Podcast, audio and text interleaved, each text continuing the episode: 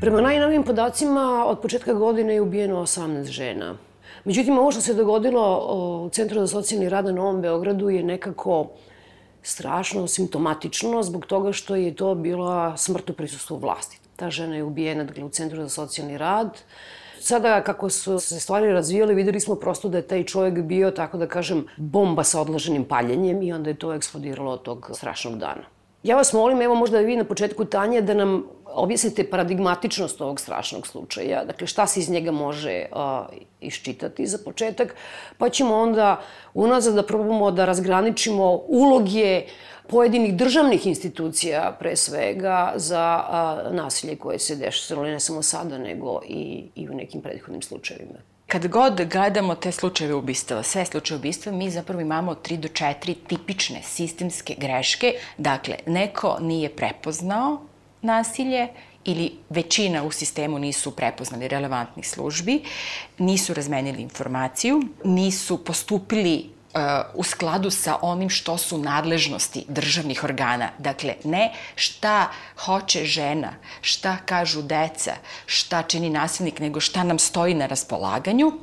I četvrta stvar, ništa nismo naučili iz toga, ni prošle godine, ni preprošle, ni sličnih godina.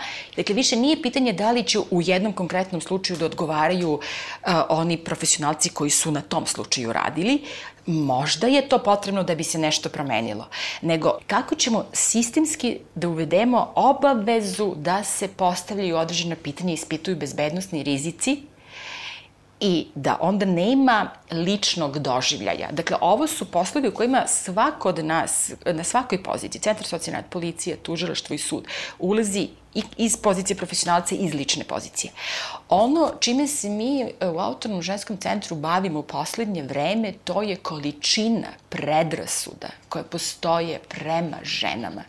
Ta količina diskriminacije koja potpuno oblikuje jednu nepostojeću realnost o slučaju u kojoj je zapravo početna hipoteza o slučaju postavljena e, tako da je zapravo e, žena odgovorna a umanjeno nasilje i umanjen rizik i onda svi podaci koje stižu, zapravo kao da se odbijaju od zidove, oni ne mogu da promene tu početnu hipotezu. Ono što je mene najviše iznenadilo, kada drugostepeni organ, koji je nadzorni organ, napiše Centru socijalni rad da nisu uzeli obzir to, to, to, to. Dakle, spisak stvari gde su propusti i naloži šta treba da uradi.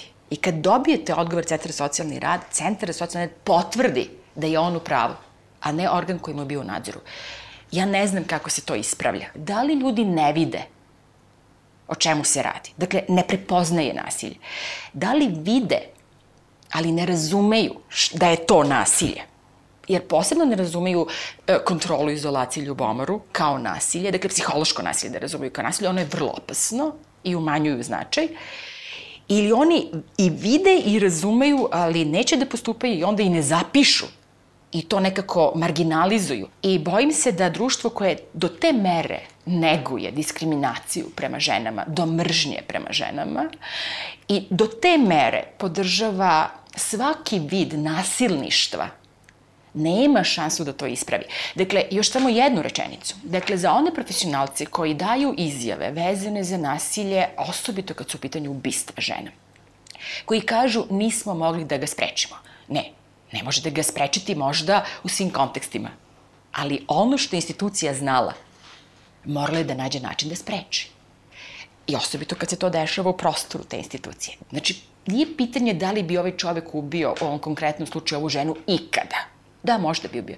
Nego da li smo trebali da napravimo kontekst u kome se njih dvoje susreću u instituciji. Iz bilo kog razloga. Tu imamo dva problema. Jedan je što nešto što je nasilje psihološko se naziva ljubomorom, porodičnim svađama i tako dalje. To je jedan nivo problema. Međutim, drugi nivo problema, bojim se, i to smo se videlo u nizu slučajeva, jeste ovaj čovjek je bio u zatvoru. Mislim, on je osuđeni nasilnik. To je jedan drugi problem. Dakle, to je dakle, ukršćenje e, nasilje u partnerskoj relaciji ili nasilje prema deci sa roditeljskim ulogama. Neko ih uči da nezavisno što je otac nasilnik prema majci, otac ima prava da viđa decu, što je potpuno pogrešno tumačenje prava. Dete ima pravo da održava kontakte sa svojim roditeljima samo ako je to u najboljem interesu deteta. Dakle, ne postoji ništa strašnije što otac može da učini detetu svome, nego da bude nasilan prema njegovoj majici. Dakle, ko je nasilan prema detetu svome, treba jako dobro da razmisli da li uopšte treba da ima kontakt detetom ili taj kontakt treba da se suspenduje do daljeg. Razmotrit ćemo da li je u najboljem interesu deteta da ima kontakt sa ocem. Ja sam radila jedno istraživanje i ticalo se baš toga. Dakle, kako centar ukršte i sud, centar i sud, ukrštaju dakle, nasilje u partnerskoj relaciji sa roditeljstvom. Dakle, većina će vam, i ako prihvate da se radi o nasilju muže prema ženi, majci te dece, reći e, ali dete ima pravo da viđe roditelja i uh, odlučit će se za model koji je potpuno uobičajeni, jel kao da tog nasilja nema. Znači čak i u okolnostima kada se kada predlože kontrolisane uslove, oni propuste da kažu da um, deca ne moraju biti u centar socijalni rad dovođena od strane majke. Propuste da prethodno razgovaraju sa majkom, da provere sve bezbednostne rizike i da čak i ako ona ne vidi opasnost, kažu, molim vas, neka decu dovodi ujak, prijatelj, deka, baka, kogod, jel? Neko, samo da se izbegne kontakt. U centrima socijalne vrlo često pred njima dešavaju razne forme nasilja koje sprovodi otac prema deci, a da oni to ili ne reaguju, ili ne reaguju dovoljno efikasno. Znači, oni ne mogu da donesu odluku, ali mogu sudu da predlože, mogu da je do daljnjeg suspenduju, zato što je nebezbedno. Mogu da odbiju da to radi na taj način, zato što je to nebezbedno. Dece su zapravo oni koje oni štite. Interes, najbolji interes deteta, to je državni organ koji ima mogućnost da izvuče dete iz kuće, bez ikakvog dokumenta, što ne može ni policija, ako je u pitanju zaštita života i zdravlja tog deteta. Dakle, to su ogromna ovlašćenja sa očigledno nekako malo opreme da se to sprovodi i da se stvari postavljaju sa jasnim granicama. I ja moram da kažem da ovakvi slučajevi dosta obezhrabruju. Ovo što se sada dogodilo je nešto što smo imali prilike da vidimo i, i, i prethodnih godina i evo 2016. smo uputili jedan uh, niz preporuka u, u 14 slučajeva ubistava žena, gde je bilo takvih situacija, dakle da se pravio, pravila se scena za konačan tragičan ishod. E, femicid nije događaj koji je sletao s neba. On se nije dogodio sam po sebi i da ga niko nije mogao, kako vam kažem, ne, možda ga nije ni mogao sprečiti sam taj čin ubistva, ali sve ono što je doprinelo uh, takvom fatalnom konačnom ishodu je moglo biti sprečeno.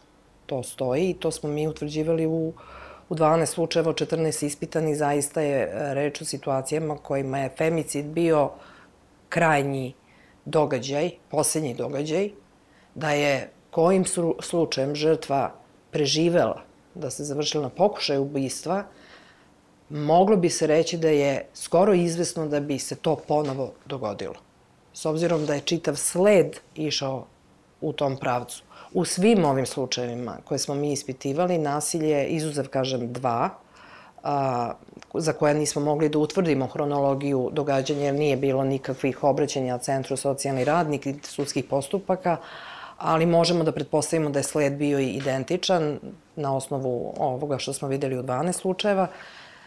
Počinjalo je sa psihološkim nasiljem završilo se sa ubistvom. Period između prvog nasilja, e, prve uvrede, prve psovke, prve, prve pretnje i ubistva je jako dug. To nije, ne meri se nedeljama, meri se godinama. U tom periodu smo mi utvrdili jednu potpunu pasivnost, pa čak moram da kažem i postupanje suprotno obavezama koje proizilazi iz zakona, koje proizilaze, da kažem, iz jednog ljudskog odnosa. Imate obavezu da štitite onoga ko trpi.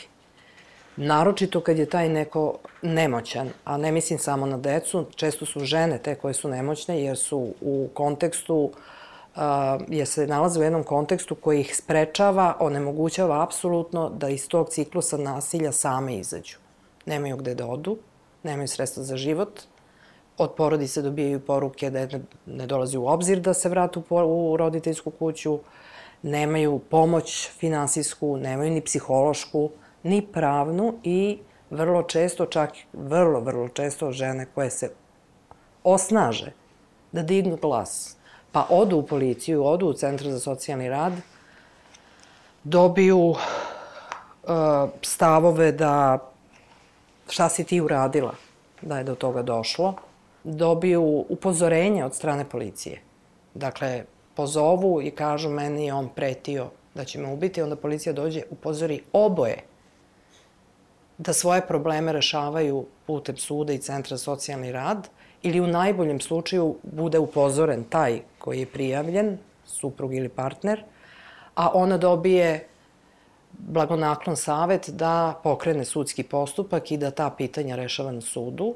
Sledi izveštavanje tužioca, gde je u svim, maltene u svim ovim slučajevima je bilo da je da su policijski služ, e, službenici karakterisali e, događaj kao porodične nesuglasice, verbalni sukob, narušene porodične odnose, loše bračne odnose, čak i u slučaju gde je bilo e, fizičkog nasilja. Dakle, bio je šamar, bilo je davljenje, bilo je udaranje u šutiranje, udaranje u glavu. Policijski službenici u nekim policijskim stanicama i upravama to su davali su ocenu da je to konflikt. Zatim neki su ulazili čak u ocenu da nije krivično delo ili nije prekršaj. E sada, sam sistem funkcionisanja policije, e, pogotovo od uvođenja tužilačke istrage, je negde doprineo da policijski službenici negde s, najčešće ne izveštavaju u pisanoj formi. Dakle, ne pišu izveštaj tužiocu i kažu, evo, ovo se desilo, vi ćete proceniti šta treba da se radi ili ne u najvećem broju slučajeva završava se na komunikaciji usmenoj, zove se dežurni tužilac, odnosno zamenik javnog tužioca, i njemu se pred usmenom razgovoru predučavaju činjenice. Dakle, ako policijski službenik koji postupa vidi događaj u kome žena dobila šamar kao porodični konflikt, on će na isti način to predočiti tužiocu. Evo, 2014. godine zamenica javnog tužioca u jednoj opštini kaže da u preko 90 slučajeva žene insistiraju da budu oslobođene dužnosti svedočenja, te da tužilaštvo ne može da učini ništa u tim slučajevima i da su žene najveći krivci za svoj položaj. Dakle, to je nešto što dolazi od e, organa koji, evo, po novom zakonu o sprečavanju nasilja u porodici je ključni organ koji treba da pokrene sistem, da brzo obezbedi zaštitu, da brzo obezbedi prekidanje nasilja. Dakle, jedan sistem oni nose sa, bojim se, ovakvim stavovima. Drugo, uh, saznanje iz 2014. godine, ja se zaista samo mogu da se nadam da se nešto promenilo, jeste da su preporuke apelacijonih javnih tužilaca da se institut uh, odlaganja krivičnog gonjenja, odnosno diverzije od krivičnog postupka, uh, što više primenjuje. I on se primjenjivao na jedan, ajde da tako kažem, prvo sam, e, samo je sebi kontradiktorno da vi kao država kažete mi ćemo se zaista ozbiljno na najviši nivo naše agende staviti nasilje na ženama i onda takvu vrstu nasilja koja ima krivično pravnu sankciju uh, ublažite uh, davanje mogućnosti da se odlaže krivično gonjenje tako što će počinilac nasilja platiti u humanitarne svrhe određeni iznos. Dakle, novcem, navodno smo sankcionisali, nikog nismo sankcionisali, naprotiv, onda smo kao država poslali poruku da onaj ko ima i ole para može da računa na to da ako udari svoju ženu i Uh, ovaj, svoju decu iz udara, može da plati u humanitarne svrhe i stvar je rešena. A, boga mi, ukoliko i ode u krivični postupak, u 67 slučajeva, posto slučajeva, izriče se uslovna osuda. I sada se postavlja pitanje, znači, kakva, kakvu mi zapravo politiku imamo deklarativno, a kakvu suštinski. Mi smo ispitivali, pored ovih 14 slučajeva, još skoro 50 slučajeva uh, nasilja gde su žene preživele i u kojima ima dece. Ono što vidimo jeste da na porodično nasilje, odnosno nasilje nad majkom, nasilje nad drugim bliskim članovima porodice, imam nasilje nad bakom, nasilje nad starijom sestrom, nasilje nad tetkom, nad bliskom osobom i tako dalje, da ono prosto nije u, u vidnom polju kada se uh, odlučuje o poveravanju dece, o održavanju ličnih odnosa. Porodično nasilje koje tome prethodilo se ne vidi. I generalno organi u razdvajanju partnera u kome je žena bila žrtva, u razdvajanju žrtve od nasilnika vide rešenje problema. Potpuno se zanemaruje činjenica da upravo razdvajanje zna da bude i vrlo je često i boga mi ja mislim da dobar deo ovih slučajeva nasilja koja sa smrtnim ishodom su se završila, ako ne možda i svi, e, do njih je dolazilo nakon razdvajanja. Ali postoji jedan psihološki mehanizam koji pojačava zapravo agresivni odgovor kod vršilaca nasilja onda kada više nemaju objekat kontrole. A ona odlaskom iz porodice, odlaskom, razdvajanjem prestaje da bude pod kontrolom. Zato je bitno i da u, socijalnom, u sistemu socijalne zaštite, u sudu, postoji svest da je i instrumentalizacija dece posle razvajanja. Zadržavanje, prinutno zadržavanje deteta koje je povereno majci, pa ono po 15 godina ne vidi tu majku da je to zapravo samo sled nasilja. Služi daljoj kontroli i ničemu drugom. Dakle, interes deteta tu u, u, u oku tog roditelja ne postoji. Postoji samo sobstveni interes da nastavi kontrolisanje koje je zapravo nasilje na tom ženu. E, toga nema u sistemu socijalne zaštite i često čujemo kako se govori u najboljem slučaju deci kao indirektnim žrtvama i nama je to jako sporno. Mi smo od 2011. godine centrima upućivali preporuke da deca koje su prisutna porodičnom nasilju su neposredne žrtve takođe nasilja nad njima. Nekako se nasilno odvaja on kao vršilac nasilja u porodici i on kao roditelj. I ja sad i ne razumem kako je to moguće zaista posmatrati jednog roditelja van konteksta njegovog e, ponašanja prema bliskim članovima porodice, prema partnerki, odnosno majci dece, prema ro svojim roditeljima ili, ili bilo kome, pa čak i van konteksta porodice.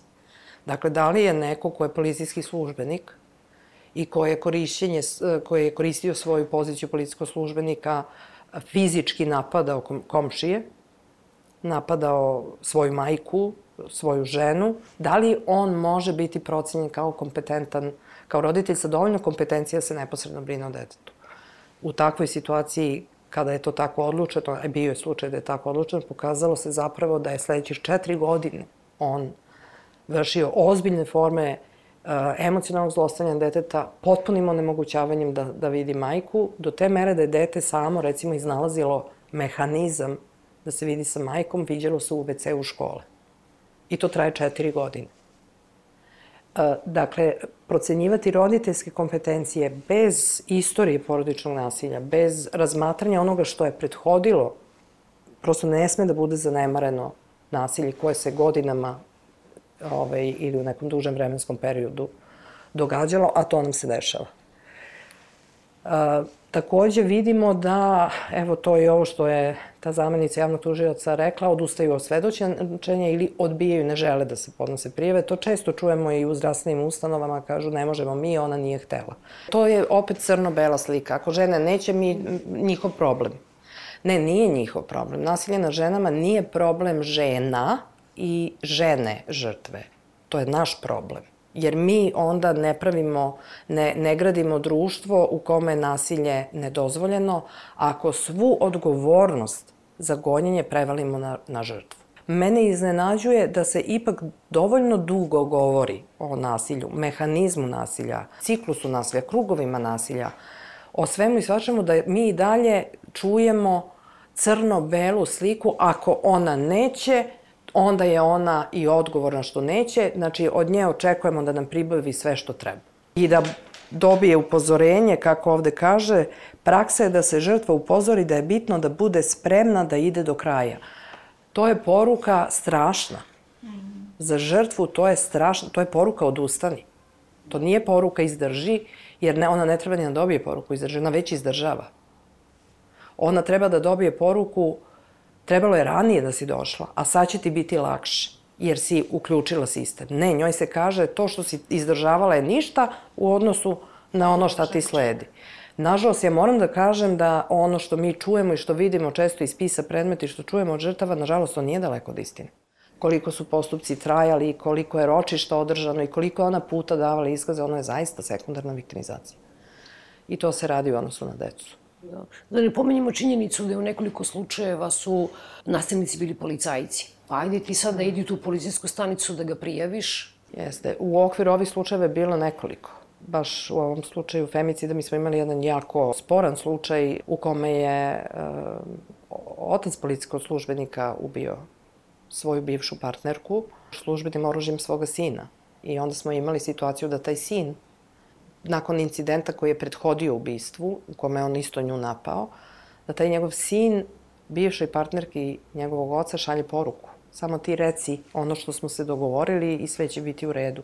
I niko se ne pozabavi time kako je držano to oružje u kući, kako je otac došao do tog službenog oružja. To se prosto niko ne pozabavi u okviru te policijske uprave, čak i naš, nakon našeg nadzora. Vraćam se ponovno na ovaj slučaj na Novom Beogradu. Prvo, tamo je nasilje prijavljeno, prijavljeno mnogo puta. Tokom suđenja za nasilje koje je učinio nad sinom, ja mislim, ustanovljeno da on boluje o post-traumatskog sindroma ili vjetnanskog sindroma, kako mi to zovemo. Ako je na suđenju za maltretiranje sobstvenog deteta to uzimano u obzir, kako ta stvar nije uzimano u obzir i kasnije kada je trebao da ih uh, viđe, i njega i njegovu ženu, jeli? Pa, ajde da prvo kažemo da zapravo da mi do uh, ovog zakona, a on je počeo sa primjenom 1. juna, znači pre meseci nešto dana, nismo imali obavezu da se ispituje bezbednostni rizici na sistematičan način. Dakle, posebni protokoli o zaštiti žene od nasilja policijski je imao jednu listu 14 bezbednostnih rizika i e, zdravstveni pravosuđe nije imalo nikakvu listu. Dakle, sad je ovo što Nataša kaže, policijski službenik će pozvati tužioca, ali oni ne govore istim jezikom. Dakle, policijski službenik neće reći tužiocu po listi sa, od 14 bezbednostnih rizika, u ovom slučaju postoji to, to, to, smo ustanovili na licu mesta, niti će ga tužilac pitati da li ste ustanovili, da li ste pitali i proverili, jer tužilac to i nema u svom protokolu. Eventualno će pitati za oružje, ali u vašim slučajima, slučajima u kojima je zaštitnik građana postupao, mi vidimo da čak ni to sistematski nije ispitivano, niti se sa time ozbiljno nešto uradilo, iako je ima, moglo imati saznanja da postoji u legalnom, ali nije ispitivano ilegalno. Mogućnost ilegalnog poseda oružja ili ko je u prilici u ovome društvu da dođe do ilegalnog oružja na lak način. Znači, jedna je stvar da mi godinama izbegavamo da napravimo jedan sistem, dakle jednu listu rizika koji se pitaju u svakoj situaciji nasilja da bismo mogli da napravimo trijažu između onoga što odmah ukazuje na povećan rizik. Druga je stvar, dakle, kada su se pojavile te liste rizika, kao na primjer u policijskom protokolu, koje ošte nisu loše, to je da one nisu sistematski ispitivane, jer je protokol zapravo nije obaveza. Dakle, ono što se očekivalo, to je da ministarstvo propiše nekakvu listu šta su obavezna pitanja koje moraju. E sad, šta ćete vi vidjeti na svim listama bezbednostnih rizika koje smo mi mogli da preuzmemo iz Engleske, Amerike najčešće? Vidjet ćete da svaka od njih zapravo sadrži manje ili veći broj e, različitih indikatora i da su oni delimično kulturološki određeni. Dakle, u američkim listama ćete obavezno vidjeti, znači neke su nasilje opasnije, davljenje, kada u američkoj, kada ima davljenja, američka lista otvara još 6 do 8 novih pitanja. Očigledno jer je to čest način. U engleskim listama, na primer, nećete, imate puno različitih stvari, vidjet ćete da li je nasilje činjeno u prisustvu dece povećava rizik. Da li je seksualno nasilje? Povećava rizik. Ali nisam videla u tim listama da li je bio na ratištu.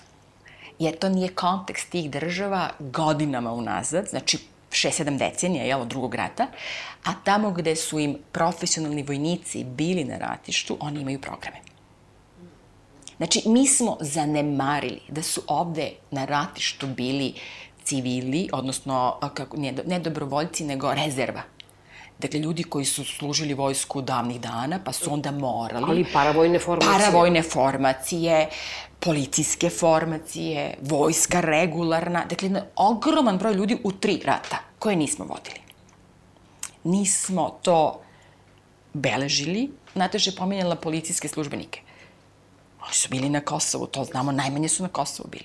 Dakle, ja se sećam 2000. godine, to kad su počela priča o nasilju, ja se sećam uh, policijskih policajaca, službenika koji su govorili, znate, nama su govorili uh, kao semafor. Kad ste tamo, zeleno. Kad se vratite, crveno. Ništa više. Nema podrške.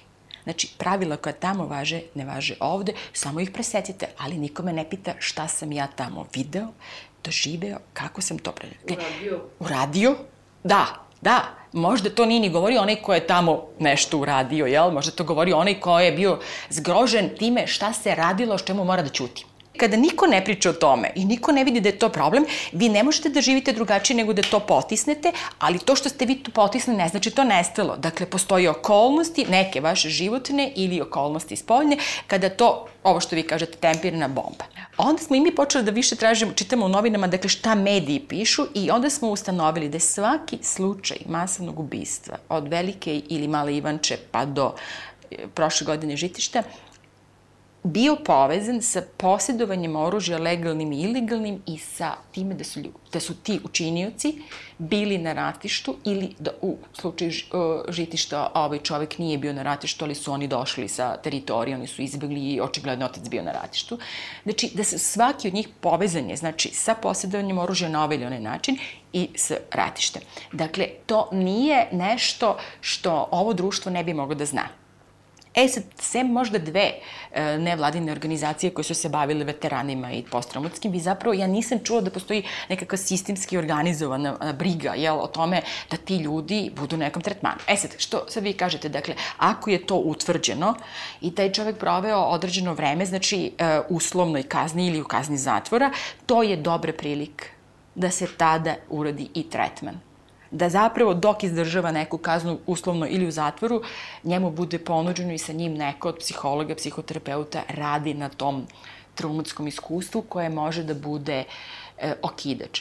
To ne znači naravno da on nije nasilnik i bez tog iskustva, jel? On ima te mehanizme kontrole i ovo što je Nataša rekla, to je ono što zapravo nama niko ne prepoznaje u sistemu, to je ta poruka ženi e, razvedite se, napustite ga, ostavite se i ne samo poruka, nego pritisak. Vi ste odgovorni za dobrobit dece. Ako sedite u nasilju i trpite to nasilje, vi ste odgovorni što ne štitite svoju decu, te ako vi ne preduzmete mere da se razvedete, mi ćemo onda kazniti. Dakle, ja sad da vodim jednu internu jel, bitku sa time da ženama prete kontrolisanim, odnosno korektivnim nadzorom, zato što ne prijavljuju e, svoje partnere e, muževe koji su nasilni prema njime ili prema deci ne uzimajući u obzir kontekst, ta žena zna zašto ne prijavljuje. Te žene su zapravo, i kad su prijavile nasilje, nisu bile u postupku ne samo iz razloga ekonomskih, nekoliko žene ili nekolicine žene koje, sa kojima sam ja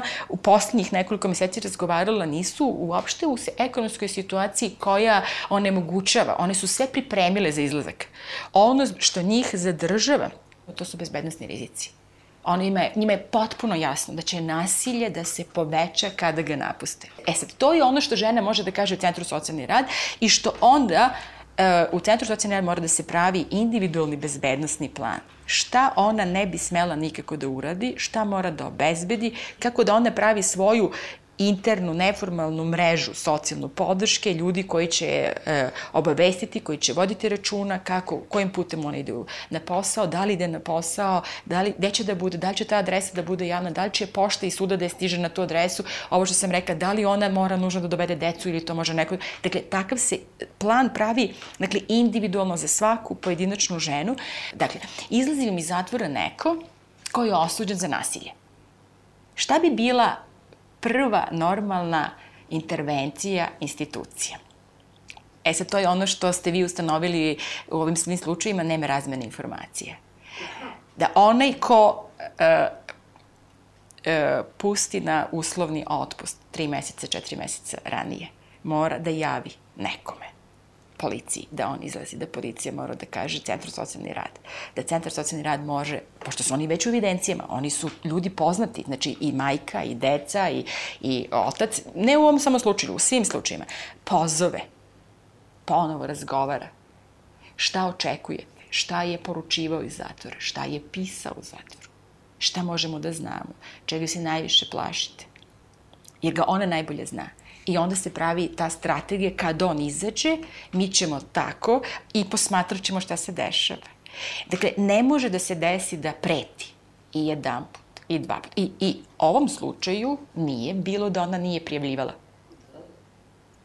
Jer to je ono, da kaže, ali žene ne prijavljuju. Ne, naprotiv. Pogledajte broj prijava i pogledajte broj krivičnih prijava i broj krivičnih postupaka i broj krivičnih osuda. To je ovako. Žene mnogo više prijavljuju nego što sistem uradi ono što može da uradi zato što očekuju, ovo je vrlo važno što je Nataša rekla, one očekuju da one u tom celom neefikasnom beskrajno dugom, iscrpljujućem i mnogostranom postupku, jer to je možda krivica, ali to je i parnica, poveravanje dece, razvod braka i imovina, alimentacija, da oni učestvuju u svim tim parnicama bez besplatne pravne pomoći. Znači, sa pretpostavkom da to sve može da plati, da može da plati odlične advokate, ali ne može bez e, stručne podrške u postupcima, bez službi za podršku žrtvama, bez službi za podršku deci. Dakle, ona sve mora da organizuje, ona mora u svemu da učestvuje, ona je jedini izvor informacija, pri tome se ne veruje, kada vi čitate nalazi mišljenje i postupanje, vi vidite da nisu uzete u obzir presude o nasilju koje su postojale, ovo što je Nataša govorila, istorija da nisu uzeti uh, uh, izveštaji domova zdravlja ili medicinske dokumentacije, da nisu uzeti izveštaji o tome da je žena boravila u sigurnoj kući, da se obraćala sigurnoj kući, bilo šta. Dakle, da oni sve te dokumente ne uzmu u obzir kada pišu nalaz i mišljenje sudu i izvan toga što su mogli znati napišu da oni ne mogu da procene da li je to nasilje, da je to partnerski sukob u kojoj obe strane jednako učestvuju, Dakle, da vi u ovoj zemlji ne možete da ubedite ljude da žrtva može da se brani. Ona je žrtva samo ako je pasivna, bespomoćna, ako plače, ako vi vidite da je pretučena i pa i tad neće dobiti sve što bi bilo potrebno. Dakle, ako ona izgleda kao neko ko je rešen, ako ona izgleda kao neko ko neće da odustane, da će ona često nositi odgovornost ili teret ili implicitnu odgovornost zato što je rasturila porodicu da vi to nekad možete pročitati u nalazu, ne u skrivenoj formi, nego gotovoj, da se njima preti, da će deca biti oduzeta. Dakle, tri stvari. Dakle, u jednom liku imate žrtvu, imate partnerku, ženu, suprugu ili partnerku i majku. Dakle, tri ženske uloge u kojima imate takva koncentracija društvenih predrasuda da žena nema nikakvu šansu da objasni u kakvom je stanju ako ne izgleda kao tipična žrtva, a to vam je, kako da vam kažem, potpuno bespomoćno biće. To bespomoćno biće je najčešće depresivno i ono ne može da izdrži postupcima. Zato što nema um, energije da izgurate i ono najčešće odustaju. E onda su one krive zato što su odustale. A ove koje neće da odustanu, koje zastupaju svoja prava i prava svoje deci, koje se bore, one nisu žrtve. I vi ne znate kako da izađete na kraj sa tim e, predrasudama koje su protivrečne za te žene. Naravno i ovo, prijavite, dobro prijavimo i šta onda? Šta mi nudite u tom postupku da me zaštitite. Da me ne stavite, e, znate, kao živi e, štit. Ja idem ispred vas i vi se svi za mene krijete, a vi ste institucije, kod vas je moć, vi jedini možete da ga zaustavite, imate sve instrumente. Nataša, samo da vas pitam, pošto je to jedna od mantri koja se ponavlja posle ovakve slučajeve, treba pojačati i poboljšati koordinaciju. Ko tu ne razmenjuje informacije i kako neko može da propadne ili da strada? Niko s, ni sa kim ne razmenjuje, ja bih rekla. Mislim, dobro, ovo je malo možda i, i pregrubo ovaj, rečeno. Negde postoji obaveza razmenjivanja informacije, to je pre svega odnos policija-tužilaštvo. I generalno na, nama taj, e, ta, ta mantra intersektor, sa jedne strane ovaj, mantra u kojoj, kojom se nekad pokušava i opravdati uh, ono što se dogodilo, što naravno nije, nije moguće, je mantra na svim nivoima, ali i u svim oblastima. ali je ona najintenzivnija uh, i naj, ajde da kažem, tu ne apelujem, tu vičemo i, i puštamo krik, zato što nam žrtve nasilja, žene žrtve nasilja i deca stoje u centru jednog kruga koji čine toliko organa, toliko državne moći i propadnu u rupu. Otvori se bezdana rupa i oni upadnu u tu rupu i više ih nema. A ovako u tom krugu idu neke radnje, neke aktivnosti u kojima, kojima nema ni smisla, ni kraja, niti daju nekakav efekt. I to je negde problem koji, ja mislim, izva, izlazi izvan domena zakona. Mi nemamo, da ne možemo da kažemo nama su zakoni zabranili da sarađujemo. Nije tačno. Recimo u porodičnom zakonu ovaj, postoji obaveza Centra socijalni rada da, da ima evidencije porodičnog nasilja. Da bi to imao, mora da bi presudu suda. On ih ne dobije. Zašto ih ne dobija? Zato što sudije kažu pa mi ne znamo, mi, mi nismo znali da to treba. Ja moram samo da se osvrnem na ovo što je pričala, što je rekla ovaj Tanja, da, ne, da stvarno ne izađe da mi ovde ovaj, sedimo da bi kritikovali radi kritike. Prosto i AŽC i zaštitnik građana su u poziciji da prime informacije o onome što ne valja. Ja moram da kažem da smo mi imali primere zaista sjajne prakse. Ti primeri dobre prakse zasnovani su na ličnim kapacitetima ljudi koji su uključeni i nema sistema. Onog trenutka kad jedan ispadne iz tog, jedna osoba ispadne iz tog sistema, prosto sistem krene da tone.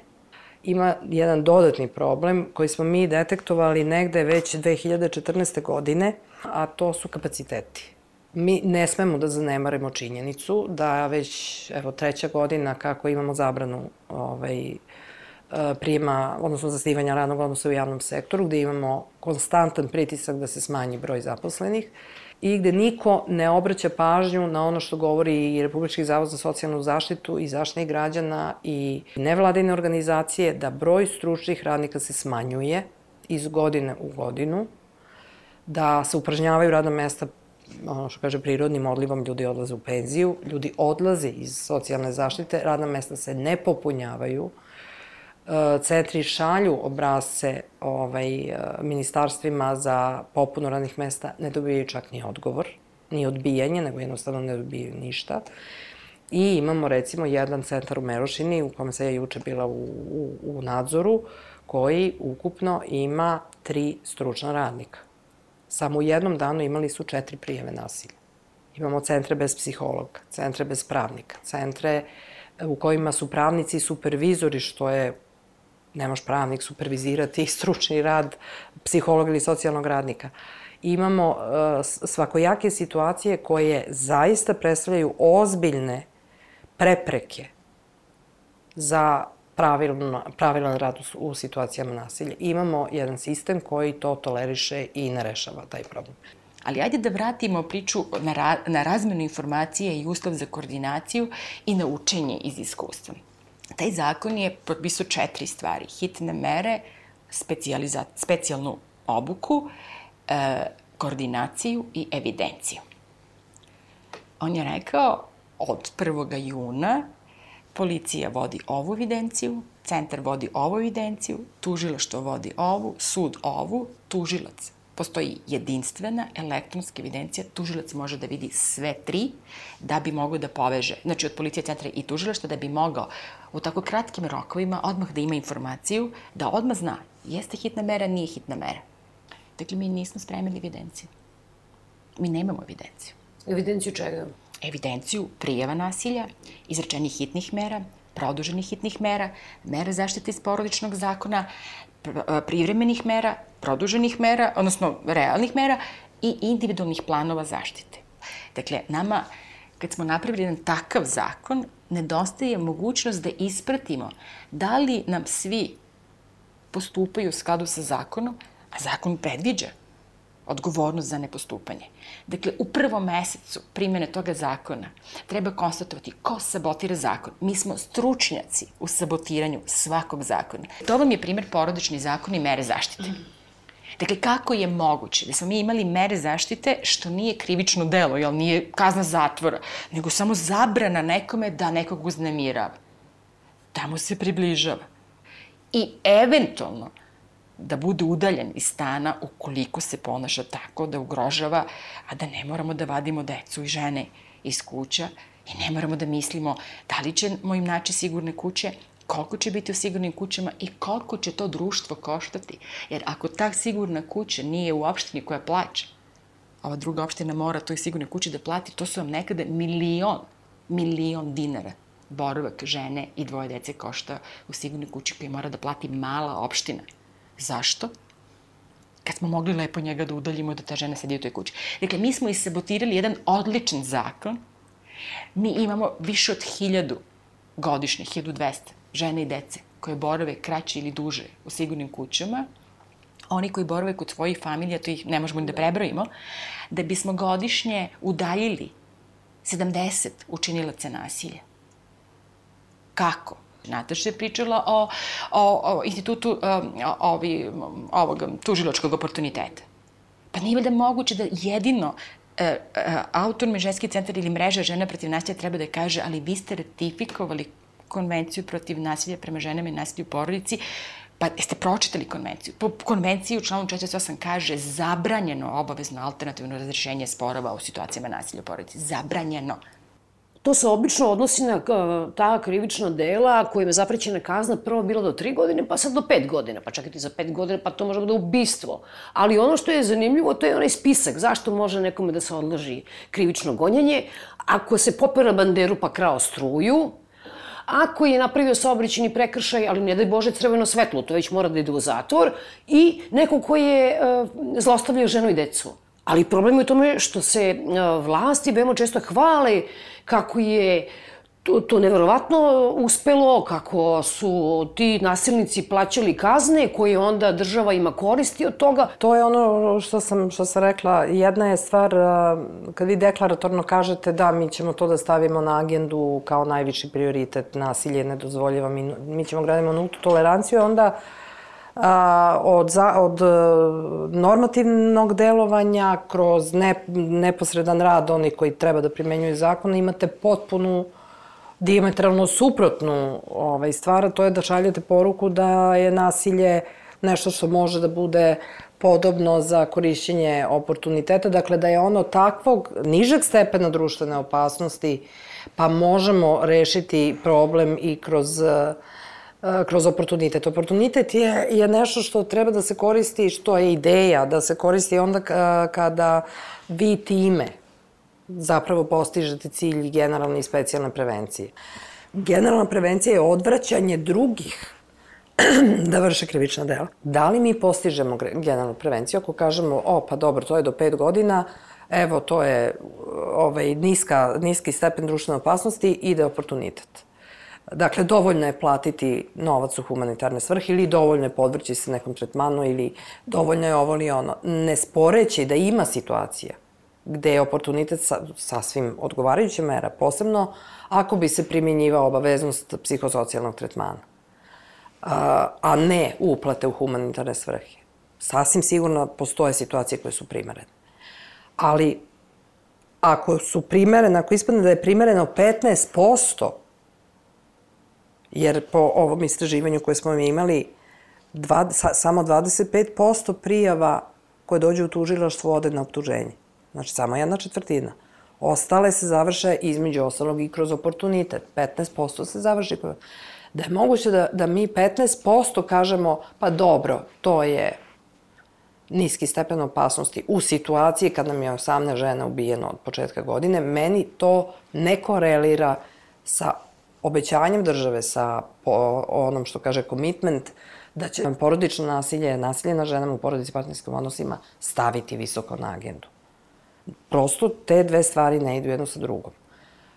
Pogotovo, uh, znate, us, uslovno kažnjavanje znači da je neki sud utvrdio da je neko uradio krivično delo za koje mu je treba izreći zatvorsku kaznu da bi postigli cilj specijalne prevencije i generalne prevencije.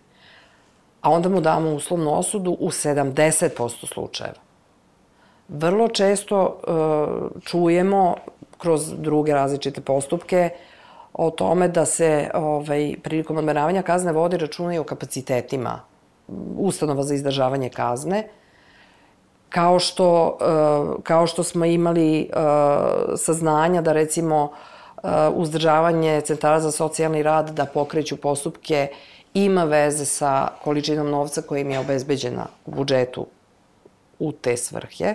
Dakle, imamo uplive nekih drugih administrativnih, prostornih, tehničkih i ostalih nedaća koje rešavamo tako što ćemo da pustimo da nam prođu kroz prste nasilja nad ženama i decom, e, ne samo u konkretnim slučajima, puštamo da nam curi niz prste jedna tendencija da se e, nasilje ne samo nastavlja, nego se pojačava. I naša odgovor kao države na to je donošenje novog zakona, uvođenje hitnih mera i nemamo evidenciju da vidimo da li nam se on sprovodi i kako nam se sprovode. Zašto mi imamo krivična dela u kojima ne može da se izrekne uslovna osuda? Možda i kod tih učinilaca zaista bilo dovoljno zapretiti, ali je delo takve društvene opasnosti i mi ga procenjamo kao država i kažemo, boga mi, ova krivična dela neće moći da se izriče uslovna osuda. I imamo to u slučaju seksualnog zlostavljanja dece. Potpuno delim stav države da je seksualno zlostavljanje dece takvo krivično delo i takva društvena opasnost da nema mesta izricanja uslove osude. Ali ja onda pitam, zašto nasilje na ženom u porodici i partnerskim odnosima i nasilje na decom, zlostavljanje i zanemarivanje dece u porodici, nije takve iste, takvog istog stepena društvene opasnosti. I zašto smo onda rekli da seksualno zlostavljanje dece, apsolutno se slažem i treba da nemamo uslovne osude. Ali se ne slažem sa time da e, je stepen društvene opasnosti u 70% slučajeva takav da je dovoljna uslovna osuda. Jer da nije tako, dokazuje činjenica da nam je nasilje uh, u sve većem porastu i da poprima sve, kako vam kažem, bizarnije oblike. A nemamo neki snažan, fokusiran, pre nego snažan, fokusiran odgovor države, ma mi, mi ovo kao društvo nećemo. Ovo je nedozvoljivo i nećemo izricati uslovne osude u 70% slučajeva. Sad, opet moram da se ogradim. Ovo su podaci iz 14. godine. Ja ostaje mi da se nadam da su oni bolji u, u, u, u godinama koje su usledile, ali podsjećam da su ove preporuke date 16. godine, da smo nakon toga pokretali nove postupke kontrole i da sada već imamo jedan broj postupaka kontrole u kojima uočavamo identične situacije pažnju moramo da preselimo, ovaj slučaj nas opominje na ovo pitanje e, veze između e, zlostavljanja e, žena preko dece i zloupotrebom mehanizma roditeljskih prava. To moramo jako da sad stavimo u fokus i konačno moramo da budemo potpuno jasni u odnosu na odgovornost institucija. Bez toga bez toga da mi kažemo posle mesec dana ovi policijski službenici nisu pisali hitne mere, ovi nisu produžavali hitne mere, ovde nisu pokretani postupci, bez toga mi ćemo se sa vama videti sledeće godine oko vrlo slične teme.